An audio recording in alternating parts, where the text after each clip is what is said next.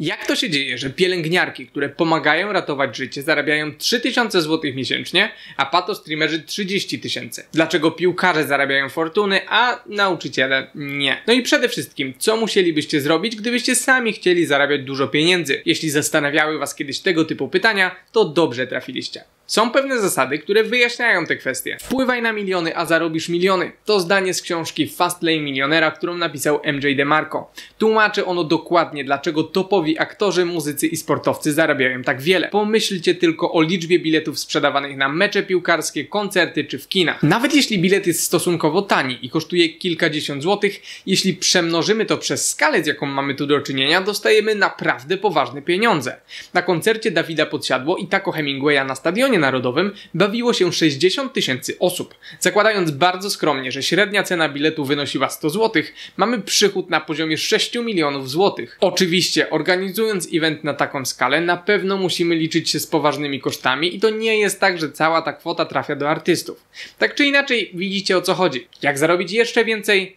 Jedna metoda to dotknąć jeszcze większej liczby osób. Zastanówcie się, ilu ludzi obejrzało ostatnich Avengersów. Nie doszukałem się konkretnej liczby, ale film wygenerował przychód na poziomie 2 miliardów 800 milionów dolarów i to najlepsze świadectwo, że całkiem sporo. Aktorzy, reżyserowie, muzycy, sportowcy czy komicy. Wszyscy zarabiają miliony, ponieważ zapewniają rozrywkę milionom osób. Nie trzeba jednak być sławnym, żeby coś takiego robić. Każdy biznes, który sprzedaje tanie produkty, będzie działał w podobny sposób. Jeśli chcemy zarobić miliony sprzedając długopisy, gadżety domowe, książki albo hamburgery, to musimy ich sprzedawać naprawdę bardzo dużo. Nie ma innego wyjścia.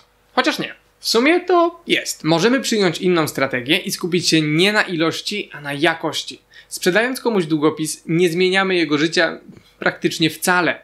Długopis zazwyczaj nie sprawia, że jego posiadacz staje się sławny i bogaty, ma udane życie rodzinne albo cieszy się świetnym zdrowiem. W skrócie, nie spełniamy marzeń ani podstawowych potrzeb klienta. Jeśli jednak uda nam się to zrobić, jeśli będziemy w stanie bardzo mocno wpłynąć na jego życie, nie będzie nam potrzebna skala.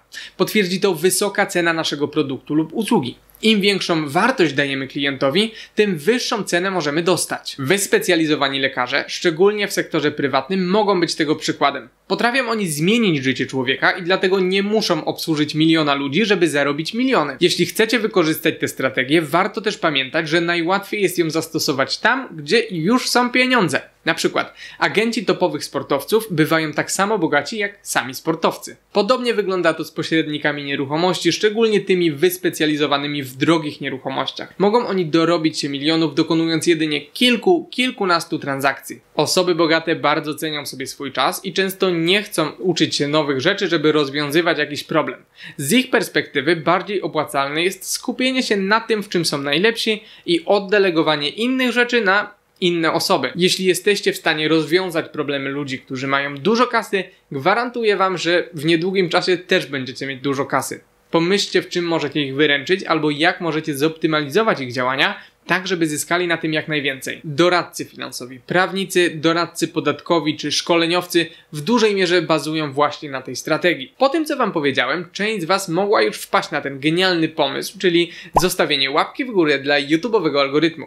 Nie, przepraszam, miałem na myśli inny genialny pomysł, czyli połączenie obu strategii ale lajka też możecie zostawić. O tym, ile zarabiamy, decyduje to, na życie ilu osób wpływamy i w jakim stopniu. Jak pisze w swojej książce MJ DeMarco, dotykając wielu osób, czyli działając skalą, zarobimy miliony. Wpływając na życie niewielu osób, ale w dużym stopniu również zarobimy miliony. Jeśli uda nam się połączyć te dwie rzeczy i w znaczący sposób wpłyniemy na życie milionów ludzi, nie ma innego wyjścia i zarobimy miliardy. Zastanówcie się, jak wiele osób odczuwa wpływ waszej pracy. Jak bardzo zmieniacie ich życie i jakie problemy rozwiązujecie. Ogólnie mówiąc, jaką wartość wnosicie do społeczeństwa no i najważniejsze pytanie, czyli w jaki sposób możecie poprawić swoje odpowiedzi. No ale nawet jeśli nie macie pomysłu na drugiego Google'a, to nic. Możecie połączyć te dwie strategie w nieco prostszy sposób, a mianowicie stworzyć w swojej ofercie produkty w różnych cenach, dające różną wartość. Powiem Wam, jak to się robi na rynku szkoleń. Na początek próbujecie potencjalnym klientom sprzedać tani produkt, najczęściej książka albo e-booka. Kiedy go skończą, proponujecie nieco droższe szkolenie online, które rozwija temat lub jego część. Kolejnym krokiem będzie dość kosztowne szkolenie stacjonarne, a najlepszym klientom proponujecie mentoring albo wykonanie pracy za nich. W ten sposób tworzycie sobie śliczne schody do nieba i możecie korzystać zarówno ze skali na tanich produktach, jak i na dużym wpływie w przypadku tych droższych. Sprytne i fajne podejście, jednak nie ma co się oszukiwać i dla większości z nas miliardy są daleko poza zasięgiem. I to prowadzi mnie do kolejnej kwestii, którą chciałem poruszyć. Będziesz zarabiał dokładnie tyle, ile jesteś warty. I teraz, jeżeli zarabiasz 2-3 koła, no to po prostu tyle jesteś wart. Nie jesteś wart ani złotówki więcej, żeby była jasność. To, że ktoś zarabia mniej niż ktoś inny, nie znaczy, że jest mniej wart. Jan Sebastian Bach, Franz Kafka czy Monet wszyscy zmarli nieznani i biedni. Podobnie Van Gogh, ikona sztuki, za swojego życia sprzedał jeden obraz.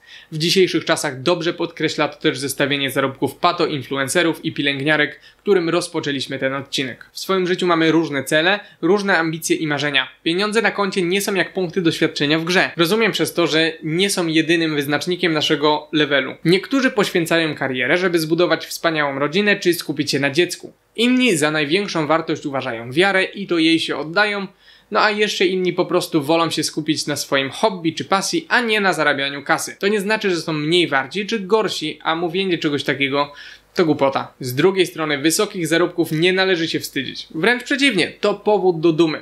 Pamiętajcie jednak, że nie jest ważne ile zarabiamy, tylko ile nam zostaje. Stąd, aby dowiedzieć się jak swoje zarobki wydają ludzie bogaci, a jak robią to ludzie biedni, sprawdźcie ten film.